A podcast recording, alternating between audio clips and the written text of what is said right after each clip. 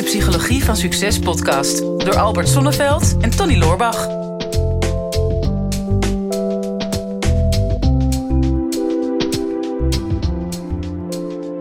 Albert, wat heerlijk om uh, weer even onder de mensen te zijn. Of nou ja, geen meervoud, mens in dit geval. We zijn met z'n tweeën. Ja, en de keurige afstand. Hè? Het is ongeveer, er zitten twee bureaus tussen. Dus dat betekent anderhalve meter halen we makkelijk. Halen we makkelijk, ja. Ja, zo zijn we. Wat heerlijk om... Uh, ja, weet je, ik heb in de hele lockdown uh, heel vaak de grap gemaakt van... ik deed al aan quarantaine voordat het cool was. Ja. Want uh, ja, mijn voorkeurslevensstandaard is om in quarantaine te zitten. Ja. Maar ik moet toegeven nu, ik begin nou toch ook wel een beetje de, de menselijke maat te missen. En, en te merken dat ik, dat ik een beetje vervreem van de wereld. En volgens mij heeft iedereen dat. Ja, ja ik, ik merkte het zelf ook. Ehm, ik, ik vat dat samen onder de categorie huidhonger. Vind ik eigenlijk een hele primaire behoefte. Uh, die mensen waarschijnlijk wel zullen kennen. En uh, ja, misschien heb je er ook wel een grapje over. Maar um, het, is bij mij echt zo dat ik, ik, ik echt merk dat ik het heerlijk vind om te knuffelen, aan te raken. En, nou ja, in ieder geval fysieke nabijheid te ervaren. zeker bij mensen die me dierbaar zijn. En dat, dat lukt niet altijd. Dus daar, daar stagneer ik. Dus wanneer we weer veilig zijn, dan, dan berg je maar. Ja, ik, had, ik had ook huidhonger. Daarom heb ik eh, de tondeuze gepakt. Maar uh, om wat meer huid bloot te leggen. Maar ik kom er achteraf achter dat dat misschien niet de beste oplossing was. Had beter andermans huid kunnen zoeken. Ja, ja, het ziet er inderdaad. Ik zit tegen een spiegelend beeld aan te kijken. Met andere woorden, Tony's voorhoofd. Je gaat het nog wel een keer zien online. Is echt ondaan van alles wat nog een beetje op haar leek. Tenminste, boven zijn wenkbrauwen. Ja. Um, ja, het is allemaal ernstig. Ja, het blijkt wel weer. heel ernstig, ja. ja. Corona doet echt hele bijzondere dingen met mensen. Dat is wel duidelijk. Ik zie er in ieder geval uit als een uh, quarantainepatiënt nu. maar uh, daar, gaat het, uh, daar gaat het niet over. We hebben, nee. een, we hebben een vraag binnengekregen. En die gaat hier wel over. Um, een vraag van Jules van Horen. En Jules die zegt... vraag voor de podcast... Hoe kun je je productiviteit hoog houden als je thuis werkt? Het is echt ongelooflijk hoe groot de, het concentratieverschil is tussen alleen thuis zitten en alleen op het werk zitten. En die lijkt me denk ik best wel relevant. Ik neem aan, ja, jij uh, zit ook lekker in, uh, in je isolement werken. Ja, ja. Hoe hou jij je productiviteit hoog in deze tijd? Nou ja, ik, laten we eerst eens kijken naar de eerste uh, duidelijke opmerking is. Want ik merk dat bij mijn eigen medewerkers in ieder geval. Die, uh, ja, die zitten thuis, zijn vaak moeders met kinderen ook. En um, ja, die, al vrij snel, al binnen een paar dagen kwamen we erachter dat dat een hele lastige situatie is. En ik noem dat uh, huiswerk maken op het strand. En dat betekent, dat is verschrikkelijk. Mm -hmm. hè? Want je kunt niet genieten van het strand en je kunt je niet concentreren op je huiswerk. Mm -hmm. En ja, zeker als je medewerkers hebt die super loyaal zijn. Die zijn loyaal naar hun eigen gezin, uiteraard. Hè, want je moederhart of je vaderhart, dat uh, klopt. En tegelijkertijd ben je loyaal naar je werkgever. En ja, hoe, hoe kun je ooit van, van een mens verlangen dat hij op allebei dezelfde momenten tegelijkertijd diezelfde loyaliteit gaat opbrengen? Mm -hmm. Dus je, je moet keuzes maken. Uh, en dat is in deze tijd nog wel belangrijker dan ooit. Dus Um, ja, ik, ik heb zelf gezegd, oké, okay, uh, we houden ons aan de regel niet meer dan drie mensen op kantoor. Maar we hebben meteen al een schema gemaakt om dat te gaan roleren. Zodat mensen niet alleen um, ja, weer eens even op kantoor kunnen zijn, maar vooral op kantoor kunnen zijn om even niet thuis te hoeven zijn. Want ja. dat leek in het begin misschien wel heel prettig. Maar dat leek al heel, al heel snel bleek dat dat gewoon absoluut niet zo was. Nou, het is apart hè, dat, dat uh, zo'n uh, zo'n crisis eigenlijk een aantal dingen blootlegt waar je eerder niet, niet bewust van was. Hè? Dat je denkt van nou, ik heb een uh, prachtige thuissituatie, totdat je er ineens twee weken moet verblijven. En dan merk je ineens dat je eigenlijk in jouw thuisbasis, waar, waar het leven begint elke ochtend en waar je elke dag aan het einde van de dag naar terugkeert, dat daar een heleboel dingen eigenlijk helemaal niet zo optimaal zijn als dat je misschien dacht. Ja. En dat geeft op zich wel een mooie kans. Kijk, wij, wij hebben allebei de luxe dat wij uh, alleen wonen. Ja. En, uh, en sowieso ondernemer zijn. Dus ook vaak nog wat extra meer bedreven zijn met het werk wat we doen. en allebei volgens mij redelijk makkelijk die concentratie kunnen pakken. Ehm, maar ik zal er nog wel wat inzicht over delen straks. Alleen ik zie dat ook bij ons team. Ja, sommige mensen hebben eh, bijvoorbeeld een heel klein appartement waar ze op een gegeven moment zeggen: Nou, de muren komen op me af. Ja. Uh, of ze wonen met iemand samen. En dan moeten ze ineens die kleine ruimte met iemand delen die ja. ook geluid maakt. Komt iemand anders op je af? Ja, precies. Vrij letterlijk. En uh, dat, dat is inderdaad wel heel moeilijk. Dus wij zien ook dat mensen soms gewoon echt naar kantoor vluchten. Om daar dan een dag gefocust te kunnen werken of uh, op te laden. Uh, terwijl ze normaal gesproken misschien wel thuis moesten opladen van hun werk. Hè? Nu is het precies Ja. andersom. Nou ja, wat ik altijd zeg is: stress wordt pas stress op het moment dat je het gevoel hebt dat je geen keuzemogelijkheid hebt. Nou, als er iets is wat op dit moment eh, het gevoel geeft dat je geen keuzemogelijkheid hebt, is het natuurlijk wel de hele toestand rondom de corona. En ja, niets is erg als je maar het idee hebt, gewoon, maar ik kan ook nog iets anders. Maar heel veel mensen staan letterlijk en figuurlijk met de rug tegen de muur en kunnen dus niets anders dan eh, ja, op dit moment een keuze maken omdat, nou ja, wat kun je? Eh, Accepteren of je erbij neerleggen. Maar dat zijn allemaal hele mooie, prachtige woorden. Maar doe het maar eens. Hè? Ja. Dus het enige wat je kunt doen is een soort infrastructuur voor jezelf creëren. Die, waarin je voor jouw gevoel nog een hele smalle bandbreedte hebt waarbinnen je nog kunt bewegen. Lees keuzemogelijkheid hebt. Mhm. En dat geeft dan in ieder geval weer mentale en emotionele ruimte. Ja, want hoe, hoe doe jij dat voor jezelf? Hè? Hoe garandeer jij je productiviteit eh, thuis? Of ben jij gewoon de hele dag productief? Nou, nee. Eh, ja, ik ben wel productief, maar misschien niet eh, op de manier waarop mensen dat misschien voorstellen. Maar als ik mediteer, ben ik voor mijn gevoel ook productief. hè. Oh ja. Dus ik heb een vrij strak eh, schema. Maar Als je dat op het toilet zit, ben je ook productief. je super productief. Produceer ja, je ook heel veel. ja, daar moet je scheid aan hebben. Maar dus, nee, maar als ik kijk naar ehm, ja, mijn dagindeling. Ik, ik, sowieso zet ik voor mezelf altijd eh, de wekker. Eh, want ja, ik wil gewoon dezelfde tijd wakker worden. Ik, heb, eh, ik hou echt van structuur en regelmaat. Dat doet mij goed, volgens mij. Heel veel mensen zijn daarbij gebaat. Ehm, dus als je de infrastructuur van mij kijkt, dan begin ik altijd met mediteren. Daarna ehm, doe ik altijd een workoutje. Ehm, nou, daar varieer ik wel in. Soms wat kracht, soms wat cardio, whatever. Dan eh, even een gezond ontbijtje. En dan start ik gewoon mijn werk op. Mhm. En mijn werk gaat altijd wel over creëren. Ik wil altijd wel het gevoel hebben dat ik iets produceer waar ik ook voldoening uit heb. En eh, nou, dan maak ik mijn, eh, mijn lunch.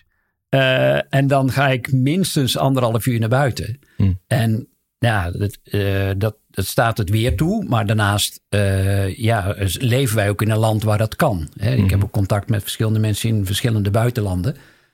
waar dat absoluut niet kan. Dus Mhm. in de gelukkige omstandigheid dat, we, dat ik even lekker kan bewegen. En ehm, daarna heb ik een, een, een blok waarin ik weer inspiratie krijg. Dus ik produceer en daarna zorg ik ook weer dat ik zelf input krijg in de vorm van lezen of het luisteren van podcast of kijken naar een e-learning of iets wat, wat mij dan weer helpt.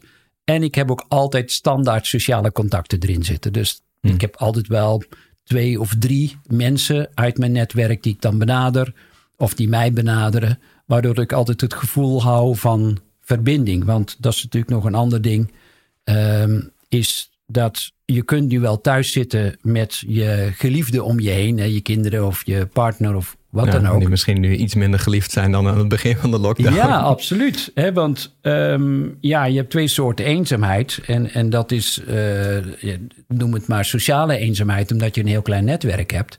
Maar je hebt ook persoonlijke eenzaamheid. Dus het kan zijn dat je wel met een aantal mensen om je heen zit, maar dat je je nog steeds heel eenzaam voelt. Dus probeer wel dat, dat netwerk eh, toch zoveel mogelijk ook levend te houden. Al is het dan maar online. Eh, of ga lekker wandelen met anderhalve meter ertussen.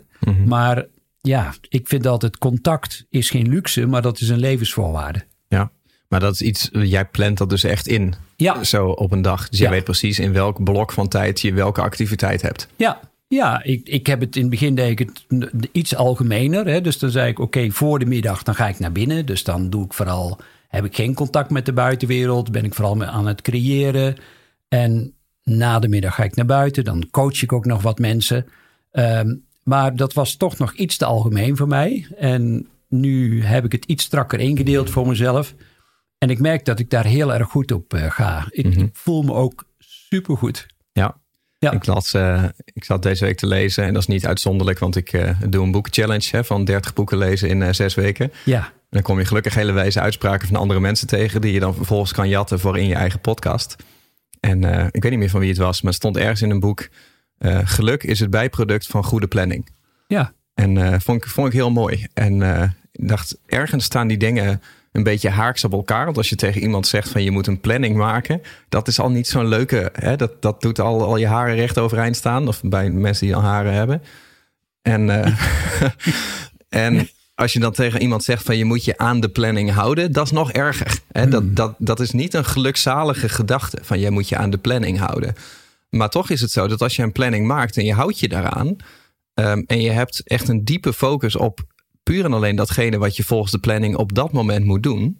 Dan merk je dat geluk vaak wel nou ja, het bijproduct is of het eindresultaat. En ik merk dat nu met dat boeken lezen. Van, uh, het is dan een hele opgave. Hè? 30 boeken lezen in zes weken. Dus je moet vijf boeken per week lezen. Ja. En als je daar van tevoren over na gaat denken. Van hoe ga ik dat inplannen? Nou, ik moet vier uur per dag lezen. En als je dat dan gaat uittekenen.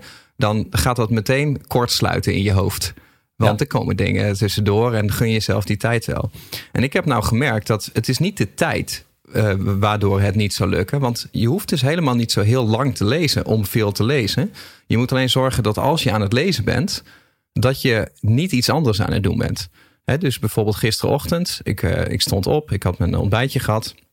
Of nog niet eens trouwens, heb ik daarna gedaan. En toen dacht ik van, ik ga nu één uur lang lezen zonder dat ik mijn telefoon aan heb of mijn laptop aan heb of, of wat dan ook. Ik had zelfs de balkondeuren nog niet opengezet. Denk gewoon even een uur lang. En daarna maakt het voor de rest van de dag even niet meer uit.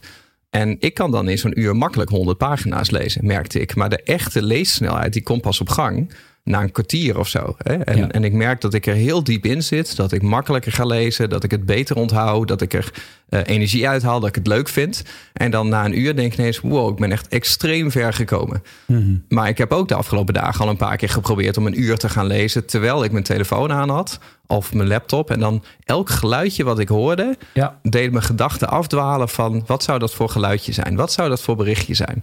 En dan was ik eruit en dan leestempo ging meteen door de play, bleef niks van over. Ik moest stukken drie keer gaan lezen. Uh, dacht achteraf, wat heb ik nou eigenlijk gelezen? En dan zie je ineens van, nou kan ik een uur met iets bezig zijn en eigenlijk geen resultaat hebben. Terwijl ik normaal gesproken precies datzelfde uur bezig was geweest en een, en een gelukkig resultaat had gehad. Ja, nou ja, dit, dit is dus precies wat mensen die thuiswerken nu op dit moment merken. Hè. Dus de, er is ook onderzoek naar gedaan dat als je één onderbreking hebt, of dat nou een WhatsApp of een pling van je telefoon of wat dan ook, dan duurt het een kwartier, minstens een kwartier, voordat je weer in de oorspronkelijke focus terechtkomt. Ja. Nou ja, en wij weten ook wel, als je, zeker als je een keer naar je schermtijd kijkt op je telefoon of op je laptop, dan, dan weet je gewoon hoe vaak dat je ondertussen onderbroken wordt. Uh, dus misschien wel de aller, aller, allerbeste tip voor tijdwerken of voor thuiswerken is dat je inderdaad structuur aanbiedt uh, voor jezelf, maar ook voor de mensen in je omgeving. Mm -hmm. en want het is niet alleen voor jou rustig, als je weet waar je aan toe bent. Maar het is voor hun ook rustig. Want als je de perfecte partner probeert te zijn en de ideale ouder naar je kinderen toe. En dan ook nog de ideale werknemer. Uh, dan, dan kom je, hoe dan ook, kom je in de problemen. Ja. Dus het klopt dat als je plant, dat lijkt in eerste instantie een aanslag op je spontaniteit. Hm. Maar ja, ik geef altijd als metafoor dat je daarmee met het plannen de lijnen trekt om een voetbalveld. Dat is de structuur die je voor jezelf uh, aanbrengt. En daarmee heb je ook je spelregels voor jezelf en voor je omgeving bepaald. Het is ook veel leuker te kijken naar voetbal. Waar, Als er lijnen omheen staan. Waar de lijnen omheen staan. dat weet ik trouwens niet. Het zou misschien ook wel een keer leuk zijn om het zonder lijnen te hebben. Als experiment wel. Ja. En daarbinnenin, binnen die lijnen, kun je eindeloos variëren. Dat maakt het juist zo leuk. Uh, want zonder die lijnen zou je dat niet hebben. Dus er is, vertrouw me maar, er is heel veel ruimte voor spontaniteit. Als je lijnen zet voor jezelf. En dan kom je ook niet in een, in een loyaliteitsconflict, wat heel veel mensen die op dit moment thuis werken, uh, gegarandeerd hebben. Uh, nou, dus dat, dat is denk ik wel een, een hele belangrijke. Creëer voor jezelf een hele duidelijke um, infrastructuur waarin je, waarbinnen je wil werken. En ga dat vervolgens ook communiceren. Mm -hmm. en want er is nog heel veel verwarring van ja, wat, wat wordt er nou eigenlijk precies van mij verwacht? Hè? De verschillende belangengroepen. Uh, thuis en werk en misschien sociale contacten. Um, doe aan perceptiemanagement Mhm. ook. Want ook dat geeft vaak uh, heel veel onnodige spanning. Ja, ze zullen wel verwachten dat ik aan die en die eisen moet voldoen. Um, ja, wie zegt dat? Check dat in ieder geval. Ja, maar dan kijk, dat is wat jij zegt van nee, je wil bijvoorbeeld de ideale echtgenoot zijn, maar ook de ideale werknemer. In een normale werkdag kan je, kan je dat allebei tegelijk zijn. Uh, Niet op hetzelfde moment, maar wel op dezelfde dag. Want je weet, in de kantooromgeving ben jij de ideale werknemer. En dan hoef je niet de ideale echtgenoot te zijn. En s'avonds, dan, dan sluit je het werk af en dan ben je de ideale echtgenoot hè, of de ideale uh, ouder. En op het moment dat je de hele dag thuis bent in diezelfde omgeving, dan gaan die dingen gaan zich vermengen. Uh, en, en dat is ook wat ik bedoelde met hè, bijvoorbeeld lezen en een geluidje horen. Dan merk je op het kleinste niveau al dat ik kan die twee dingen kan ik niet tegelijkertijd doen. Nee. Dus ik kan wel heel productief zijn, maar uh, maak niet de fout om van jezelf te zeggen of de vraag aan ons te stellen: hoe kan ik zorgen dat ik de hele dag productief ben? Want dat kan niet. Nee. Maar je moet op een gegeven moment realiseren dat als jij maar twee uur op een dag heel erg productief zou zijn, dus echt in een hele diepe focus zou zitten, dat dat misschien al wel voldoende zou zijn. Uh, en als je dat voor jezelf kan afbakenen van nou, ik ben de, de ideale creator of ik ben de ideale werknemer, ben ik tussen 10 en 12 ochtends. Uh, en daarna ben ik dan de ideale uh, gezelligheidsdier die overal op ingaat. Maar dan, dan moet je dat inderdaad wel gaan communiceren, zodat de rest dat ook weet. Ja, ja want dat is het, het conflict tussen effectiviteit en efficiëntie. Want hoe effectief ben je en hoe efficiënt ben je uiteindelijk? En waar, wanneer is goed genoeg? Uh, we gaan het in een andere podcast nog wel hebben over uh, perfectionisme. Mm-hmm. Maar ja, hoe realistisch mag je van jezelf zijn in deze tijd waarin je in compleet andere omstandigheden dan dat je gewend bent? En dat geldt natuurlijk voor de meeste van ons. Um, ja, wat mag je dan nog van jezelf eisen? En wanneer is dan ook goed genoeg? Dat, uh, ja, we hebben het over het nieuwe normaal. Um, maar dat zijn we nog aan het uitvinden. Dat, dat, ieder mens voor zich. En als maatschappij zijn we dat aan het uitvinden. Eigenlijk iedere kleine gemeenschap, of dat nou is een gemeenschap thuis of op kantoor of in de buurt of in een land. Ja, hoe verhouden we ons ten opzichte van deze nieuwe situatie? Mhm. En uh, het mechanisme wat we daarvoor hebben is ons stressmechanisme. Want die heeft die taak. Oh, er is iets bijzonders op, op mijn pad gekomen. Wat moet ik gaan doen? Moet ik gaan vechten? Moet ik gaan vluchten? Moet ik gaan bevriezen? Of moet ik steeds hulp en steun gaan vragen? Zo, als ik dat maar eenmaal gedaan heb, een actie heb uitgevoerd, dat ik weer terugkom in dat midden. Mhm. Nou, verwacht niet van jezelf dat dat één keer binnen een dag of binnen een uur gefixt is. Um, want zeker als het langer duurt, en dat merken we inmiddels. Ja, misschien was je in het begin nog tolerant, maar nu niet meer. Dus toen hield je nog vast aan het oude normaal. Mhm. Totdat je merkt van ja, maar ik kan het echt niet meer vasthouden. Ik probeer het op allerlei manieren te houden zoals vroeger. Totdat je erachter komt, ja, het lukt niet.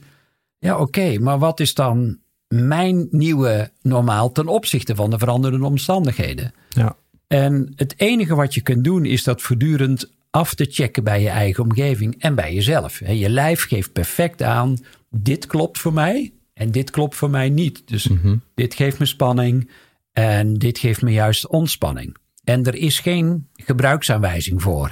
We, geven je nu een aantal tips. Mhm. Dus we zetten de structuur voor je neer. Maar daarbinnenin, binnen die lijnen van het voetbalveld, mag je het lekker helemaal zelf uitzoeken. Ja, ik wou, ik wou echt net zeggen: van de sleutel tot productiviteit is weten wat je moet negeren. Alleen als het om je lijf gaat, gaat dat niet helemaal op. Hè? Want soms geef je lichaam bepaalde dingen aan die je maar beter niet kan negeren. Hè? Want anders dan lig je straks eh, gestrekt. En dat willen we ook niet op ons uh, geweten hebben. Maar er zit wel een kern in van weten wat je moet negeren. Dat uh, je kan niet uh, alles uh, wat je op een dag wil doen, de hele dag allemaal tegelijkertijd doen. Nee. Dus je zult, het, je zult het op volgorde moeten zetten. Um, en het is moeilijker geworden omdat alles zich in dezelfde omgeving afspeelt. Hè? Als je op kantoor zit en ineens denkt van... oeh, ik moet vandaag nog een wasje draaien... Ja, dan ga je niet op de fiets naar huis of met het OV om dat, die wasmachine aan te zetten. Maar als jij thuis bent, dan is, dan is die afleiding die is heel nabij. Ja. Uh, en dan denk je, nou, dat kan ik wel even tussendoor doen. En ik merk dat ook met dat lezen. Van op een gegeven moment zit ik een uur te lezen, ben ik belachelijk productief. Volgens denk ik, nou, ik ga even een belletje doen. Ik ga even een beetje eten maken. Ik ga even mijn uh, Instagram checken. Ik ga even dit, ik ga even dat. Op een gegeven moment kijk ik op de klok denk wauw, ik ben gewoon twee uur verder. Mm-hmm. En ik heb voor mijn gevoel niets gedaan. En dat is twee keer zo lang als toen ik aan het lezen was en extreem productief was. Dus de, de tijd glipt je tussen de vingers door op het moment dat je je laat verleiden om te reageren op alles wat er op je pad komt. Dus, dus je moet gaan leren uh, negeren uh, wat er niet relevant is op dat moment. En dan hou je productiviteit goed vast. Nou, misschien is dat wel de beste tip om je af te sluiten. Negeren is vooruitzien. Dit is de Psychologie van Succes podcast door Albert Sonneveld en Tony Loorbach. Ja, beste luisteraars, dat was hem alweer voor vandaag. Weer een aflevering voorbij van uh, de Psychologie van Succes. Ik hoop dat je het waardevol hebt gevonden en um, wat je ons dat ook zou willen laten weten. Uh, mocht je nog niet geabonneerd zijn op onze podcast, doe dat dan even. En wat we heel erg tof zouden vinden, is als je ook even een review zou willen achterlaten. We vinden het natuurlijk heel leuk om te horen van jou wat je van de podcast vond, welke inzichten je eruit hebt gehaald. En om dat natuurlijk in de review-sectie terug te gaan lezen. Heb je nou een vraag en je zou graag met jouw vraag in de uitzending willen komen? Stel hem dan op eh, de social media. Onze kanalen zijn vooral LinkedIn en natuurlijk Instagram. De beste vragen pakken we eruit en grote kans dat je dan terugkomt in deze podcast.